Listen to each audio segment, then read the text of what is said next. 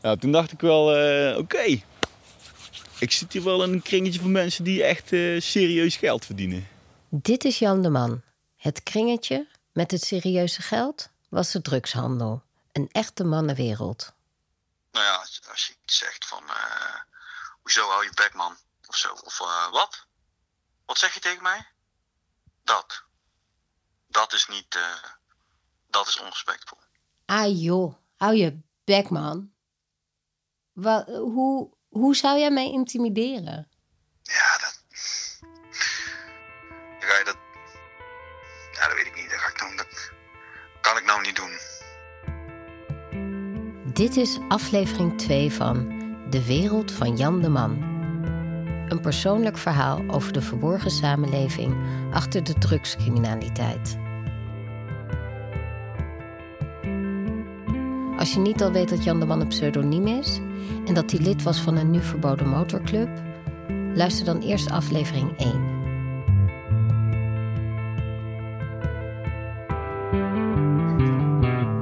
Ja. Dan had ik je gewoon eh, bij je nek gepakt. En eh, zo eh, hier op de grond gelegd. Ja, wat wil je doen dan? Gewoon eh, heel, eh, heel rustig. Maar eh, wel eh, even je keeltje dichtgeknepen.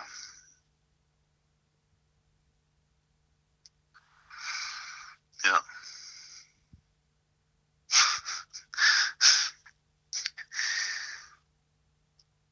Wie is dat dan? Wat is zijn echte naam? Ja, kan ik niet zeggen. Oké, Om hem te beschermen. oké. Dat is ook wel. Maar hij weet mijn naam wel dadelijk. Dus je gaat mij niet beschermen, maar hem wel. Dit is Rink de Groot, recherchechef Zeeland en West-Brabant. Hij stuurt een team aan van 550 rechercheurs. Met z'n allen bestrijden ze de misdaad in de regio. Rink de Groot weet dus alles over de wereld van Jan de Man. Dat is de handel in synthetische drugs en de inmiddels verboden motorclubs. Ik ga bij hem langs, omdat nadat ik Jan heb gesproken, ik me afvraag: wat begrijp ik nu echt van deze wereld van Jan de Man? Die clubs hebben heel veel slachtoffers gemaakt. Hè? Met geweld en afpersing. Je hebt het hier helemaal niet over flauwe delicten. Dit zijn de meest ernstige delicten uit ons wetboek van strafrecht. En, wat, De meest ernstige delicten. en kan je Dat een voorbeeld niks, dat heeft niks te maken met een clubje wat motorrijdt. Of Robin Hood-achtige dingen doet. De meest ernstige delicten. Geweld, intimidatie, vuurwapens, het plegen van zware strafbare feiten zoals moord, beramen van moorden, zware mishandelingen eh, en de, handel, de internationale groothandel in drugs, waar al die ellende eigenlijk uit voortkomt. Dat zijn Ja. toch geen flauwe delicten? Nee. Ja, staat die al aan? Of, eh? Ja, ja, ja, alles. Ik neem alles op. Dat had je niet gezegd van tevoren. Wat? Dat... Dat je nu al alles opneemt. Oh, ik had gezegd van ik neem alles op. Oké. Dus, eh, Want kijk, ik moet nog wel even de geloofsbrieven met jou gaan overhandelen. oh ja. Nou, Daar ben ik serieus in. Ja? Ja. Is goed. Ga je gang. Nee, kijk. Ik heb... eh, want ik, ik ontmoet jou ook voor de eerste keer. Ja. Ik werk alleen maar op vertrouwen. eh, Wederzijds vertrouwen. En vertrouwen komt te voet en vertrekt te paard. Hè? Zo, Ja. zo simpel is dat. Ja. ik ik, ik eh, moet eerlijk zeggen dat, dat ik dacht dat ik het gezegd had van ik neem uit. alles op. Niet en, eh, Dat mag ook. Weet je. maar, eh, dus sorry voor mijn eh, eerste fout. Nee, maakt niet uit. Even kijken hoor. Eh, bent u altijd eh, recherchechef geweest? Nee, ik ben als politieagent begonnen op straat. Dus ik heb eh, negen jaar op straat gewerkt. Toen, eh, Wel ik- in Brabant. Ja, in Brabant en Den Haag ook onder andere. En ik kon bij de vorming van de nationale politie... kon ik hier hoofd worden van de recherche. En dat was mijn ambitie ook. En was dat dan ambitie in de zin van dat dat jouw droom als jongetje was? Nee, dat, die droom had ik niet. Als, jong, als jongetje wilde ik wel politieagent worden. Eh, maar dat ik toen in mijn hoofd had dat ik recherchechef in Brabant wilde worden, dat niet. En wat dacht je dat het was om politieman te worden? Wat was daar zo aantrekkelijk aan? Waarom wilde je dat zo graag? Nou, dat was het avontuurlijke, hè? het jong, jongensachtige erin. En dat is nog steeds wel eigenlijk. Maar heel snel kom je erachter dat je intrinsiek gemotiveerd bent om voor die samenleving wat te doen. Hè, het gaat toch over dingen als rechtvaardigheid nastreven, of het beschermen van vrijheid, of het bieden van veiligheid aan mensen. En hoe ouder ik werd, hoe meer ik me dat besefte. En daar ben ik nu ook intrinsiek mee bezig. En dat houdt mij ook zo op de been. En dat is ook de reden dat Rink de Groot en zijn team veel te maken hebben met deze motorclubs. Omdat die de georganiseerde misdaad mede in stand houden. Specialisten bij ons hebben ze ook wel eens de criminele rotary genoemd. Hè? Waar een rotary bij elkaar komt om zaken te doen in de bovenwereld, komen hier motorclubs bij elkaar om zaken te doen in de onderwereld. Hè, dus uiteindelijk zie je dat eh, een ehm, scala aan misdrijven gepleegd wordt in die clubs of wordt voorbereid. Dus ze faciliteren misdrijven. Dat, dat wordt zelfs, of wordt zelfs dat wordt gedaan door leden van motorclubs en ook door eh kaderleden. En ze doen dat in georganiseerd verband. Zij hebben eh, onderling ook een sterke normenstelsel. Hè. Dus bijvoorbeeld de zwijgplicht hebben zij eh, ingevoerd en die dwingen zij ook af. En leden die zich niet houden aan de interne regels, die worden zelf ook veel met geweld geconfronteerd. Hè. Dus dit is normafwijkend gedrag wat mijlenver over de regels zijn die we met elkaar afgesproken hebben. Dat is gewoon geen flauwekul. Hè. Heb je wel eens een, een eh, 1% motorclublid een tijdje gesproken?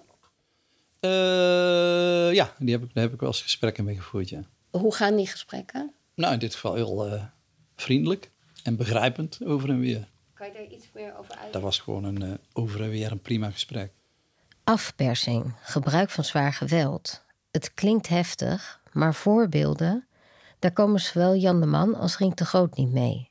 Omdat ze dat niet kunnen of niet mogen, ook dat is me niet geheel duidelijk. En als ik dan zelf wat in openbare dossiers kijk over rechtszaken tegen outlaw motorclubs, lees ik voorbeelden van afpersing en geweld uit de praktijk. Ik lees bijvoorbeeld dit appje uit een rechtbankrapport. Hierin wordt een sporthalbaas, die ook evenementen organiseert, afgeperst. Er staat: Ik hoop voor jou en je naasten dat je de juiste beslissing maakt, want hun lichamelijke en geestelijke toestand lijkt me belangrijker dan jouw show. Je weet dat ik serieus ben en nooit zal stoppen, tenzij je de juiste beslissing neemt voor jou en je naasten. Met vriendelijke groet. Of bijvoorbeeld dit gesprekje tussen drie motorclubleden dat afgetapt is direct na mishandeling. De eerste man. Ik sloeg hem met een boksbeugel over zijn gezicht heen. Tweede man. Bij mij zitten er geen knokkels meer. Zie je? Alleen van het knokken. Alleen puur van het knokken. Daarom trap ik ook veel. Eerste man weer. Het was misschien nog wel precies op tijd dat dat gebeurde. Anders er misschien een half lam of zo. Derde man. Ja, maar dan stamp je hem misschien dood. Ik was hem zo op zijn kop aan het rammen. Deze clubs hebben natuurlijk helemaal niets met rijden te maken. Dus wat doe jij in zo'n club? Het zijn gewoon mensen die bewust toetreden tot zo'n groep. Om te denken, hé, hey, onder de bescherming van die groep kan ik ook makkelijk geld verdienen. Als je dan toetreedt, hè, dan ben je zelf verantwoordelijk voor, de, voor het gedrag wat jij vertoont. Voor het criminele gedrag. Je kunt dan bezwaarlijk zeggen, dat is de schuld van de samenleving, want ze hebben mij gemarginaliseerd. Ik bedoel, Jan de Man, die heeft toch ook gewoon een eigen geweten.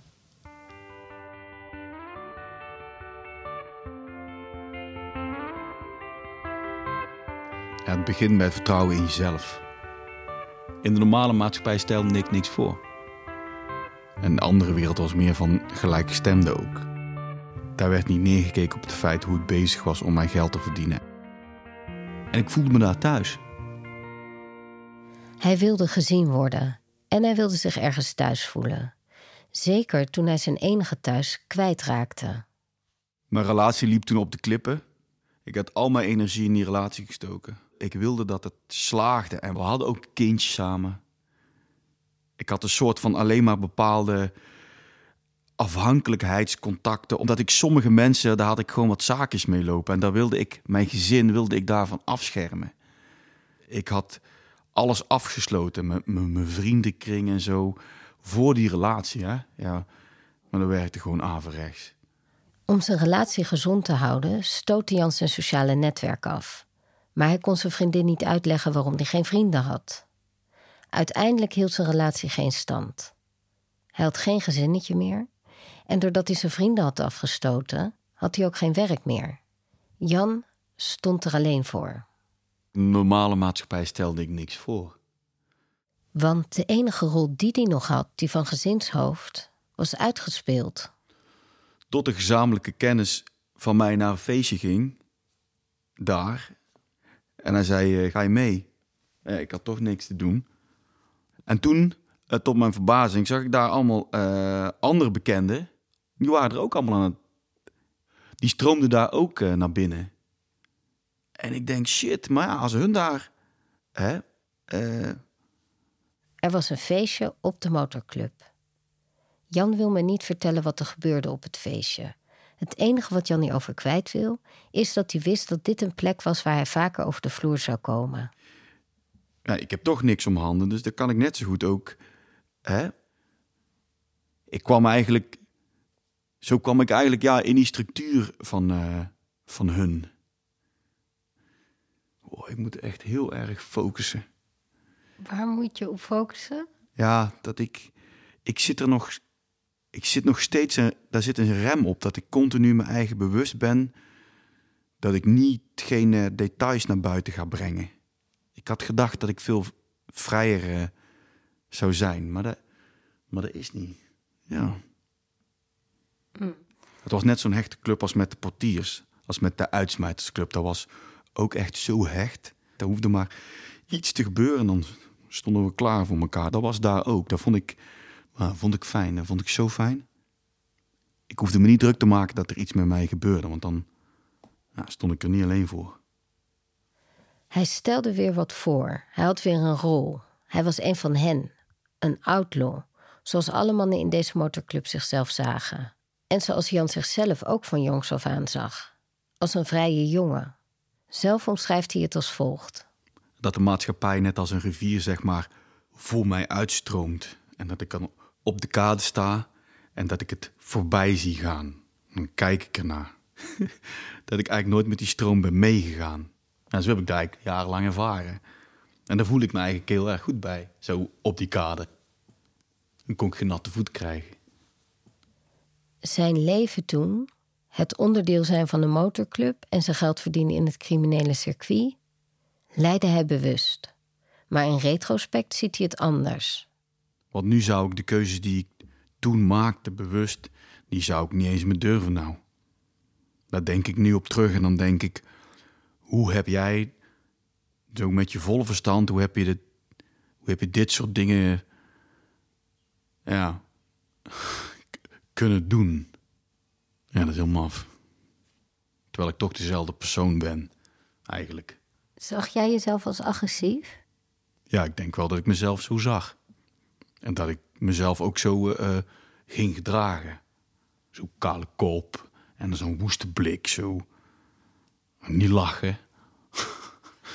ja, ik was toen ook heel erg. eh.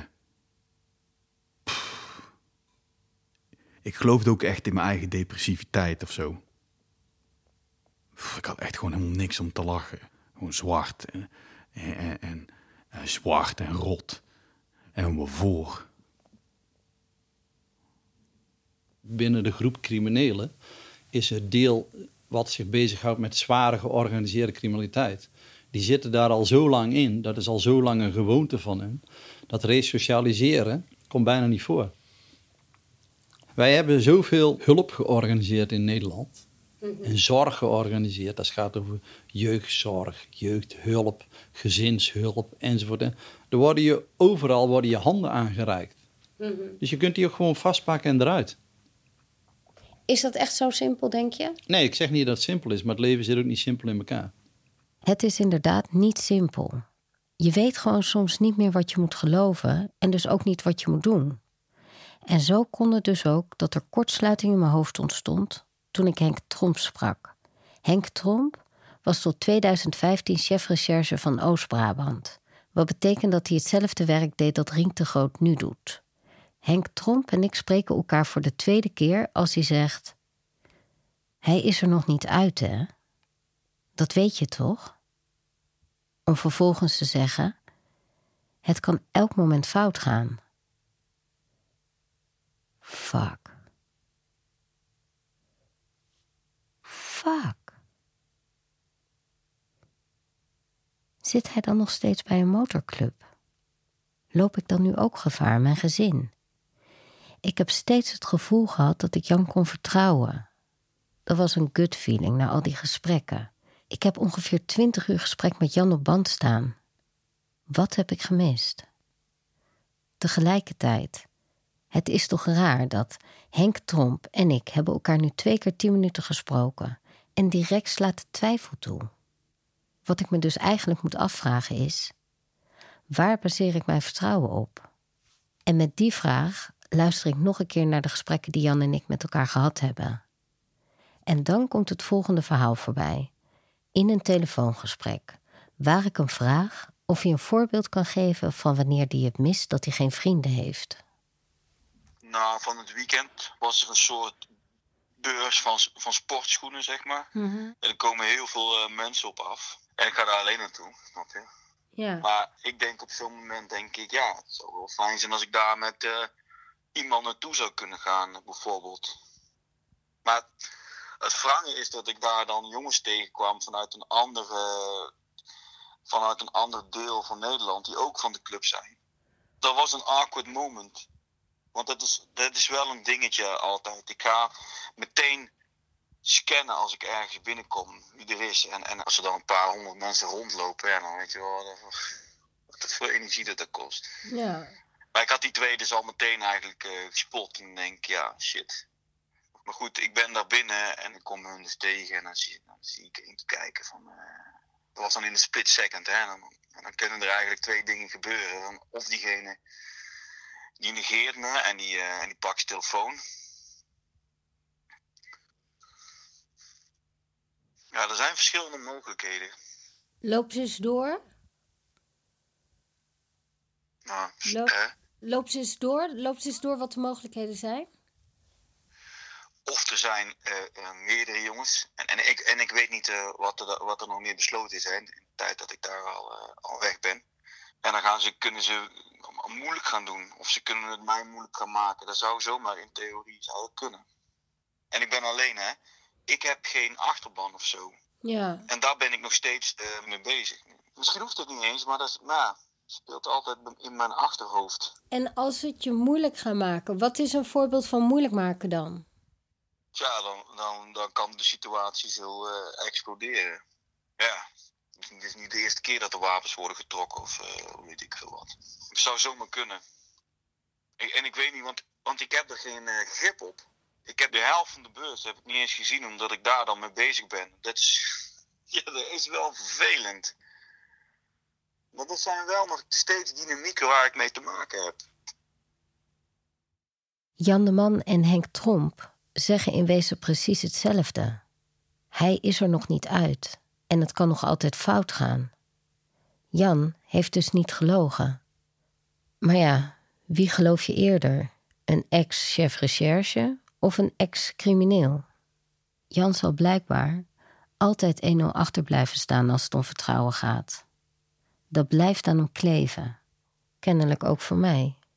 als wij deze mensen niet een feitelijke ke- kans geven. En een feitelijke kans zit, wat mij betreft, in het achter de, achter de crimineel kijken, in de mens.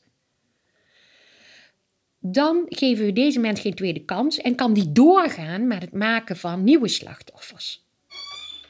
Hi. Nee, nee, nee. nee. Hey. Wat lekker. Ik heb wat lekkers gemaakt. Ja, heerlijk. Vers gemaakt taartje. Gezond. Ik ben op bezoek bij Noor Smit in de Betuwe. En ik krijg rode bessentaart met slagroom. Noor werkt in het veiligheidshuis in Tiel.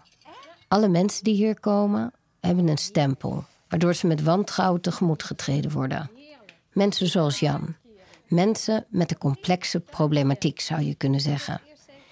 Hier worden ze ontvangen, soms met taart, door mensen zoals Noor. Noor en haar team zorgen ervoor dat er weer vertrouwen ontstaat tussen de twee kanten. De outlaws, in de breedste zin van het woord, en de mensen in de maatschappij.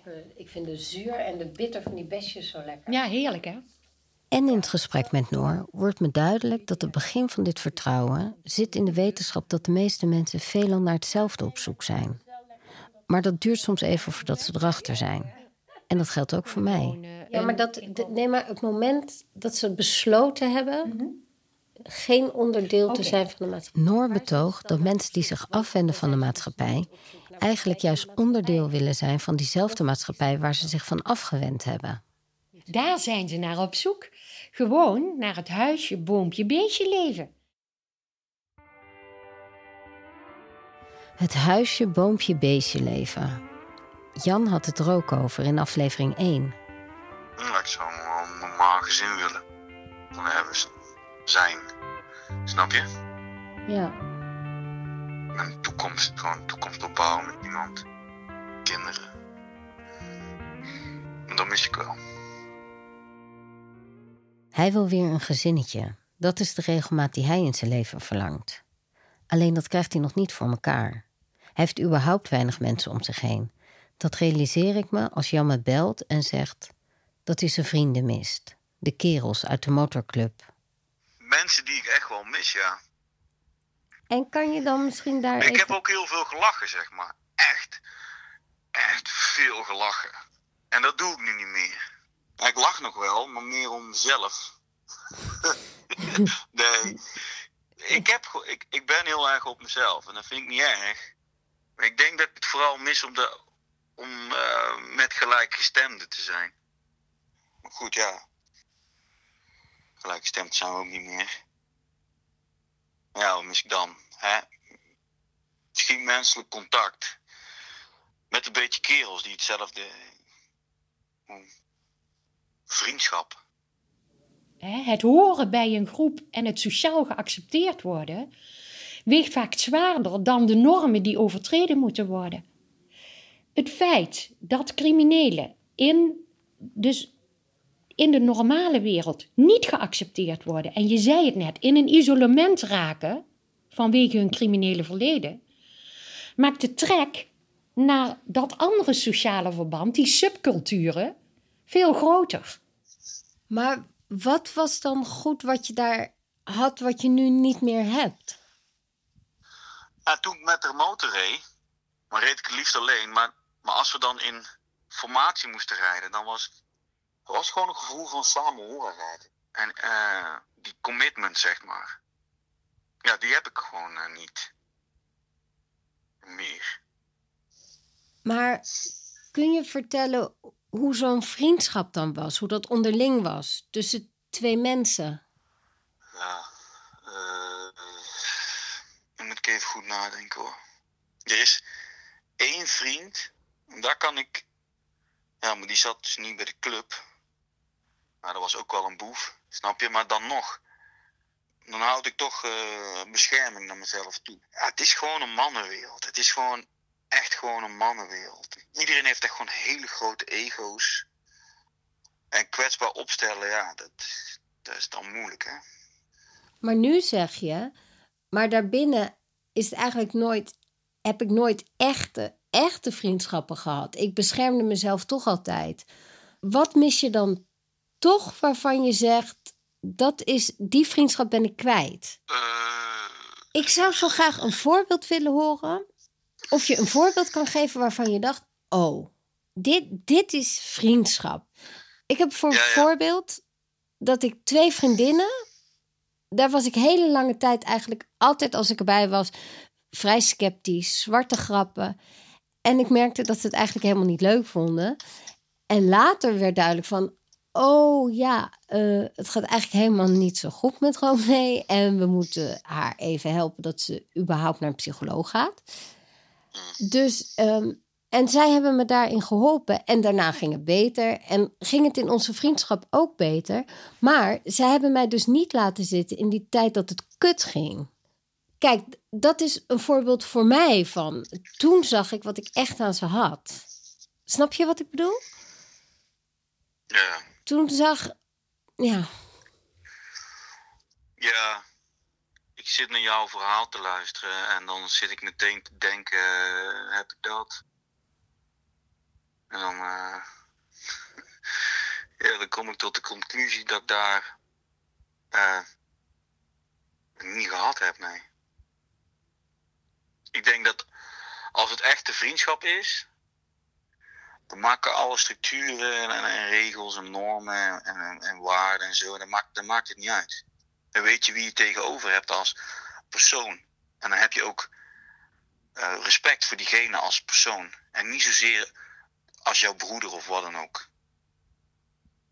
Nou, we, hangen zo meteen wel uh, op, maar dan, dan ben ik nog lang niet klaar met denken hoor. ja. hey, bedankt. Uh, bedankt, uh. Ja.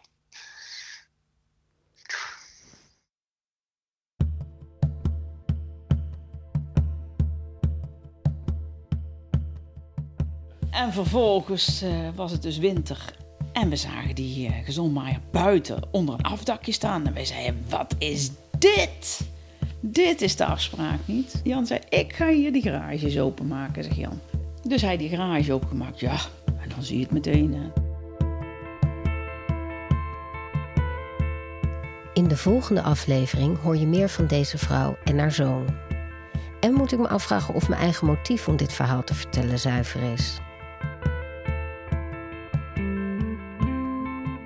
Dit was De Wereld van Jan de Man, aflevering 2. Er volgen nog drie afleveringen, plus één. Want we zullen na de laatste aflevering nog één extra aflevering opnemen, waarin luisteraars vragen aan Jan kunnen stellen. Hoe? Door je vraag op te schrijven in een review. Hoe meer reviews, hoe beter wij gevonden kunnen worden. Dit is een productie van theatergezelschap Het Zuidelijk Toneel.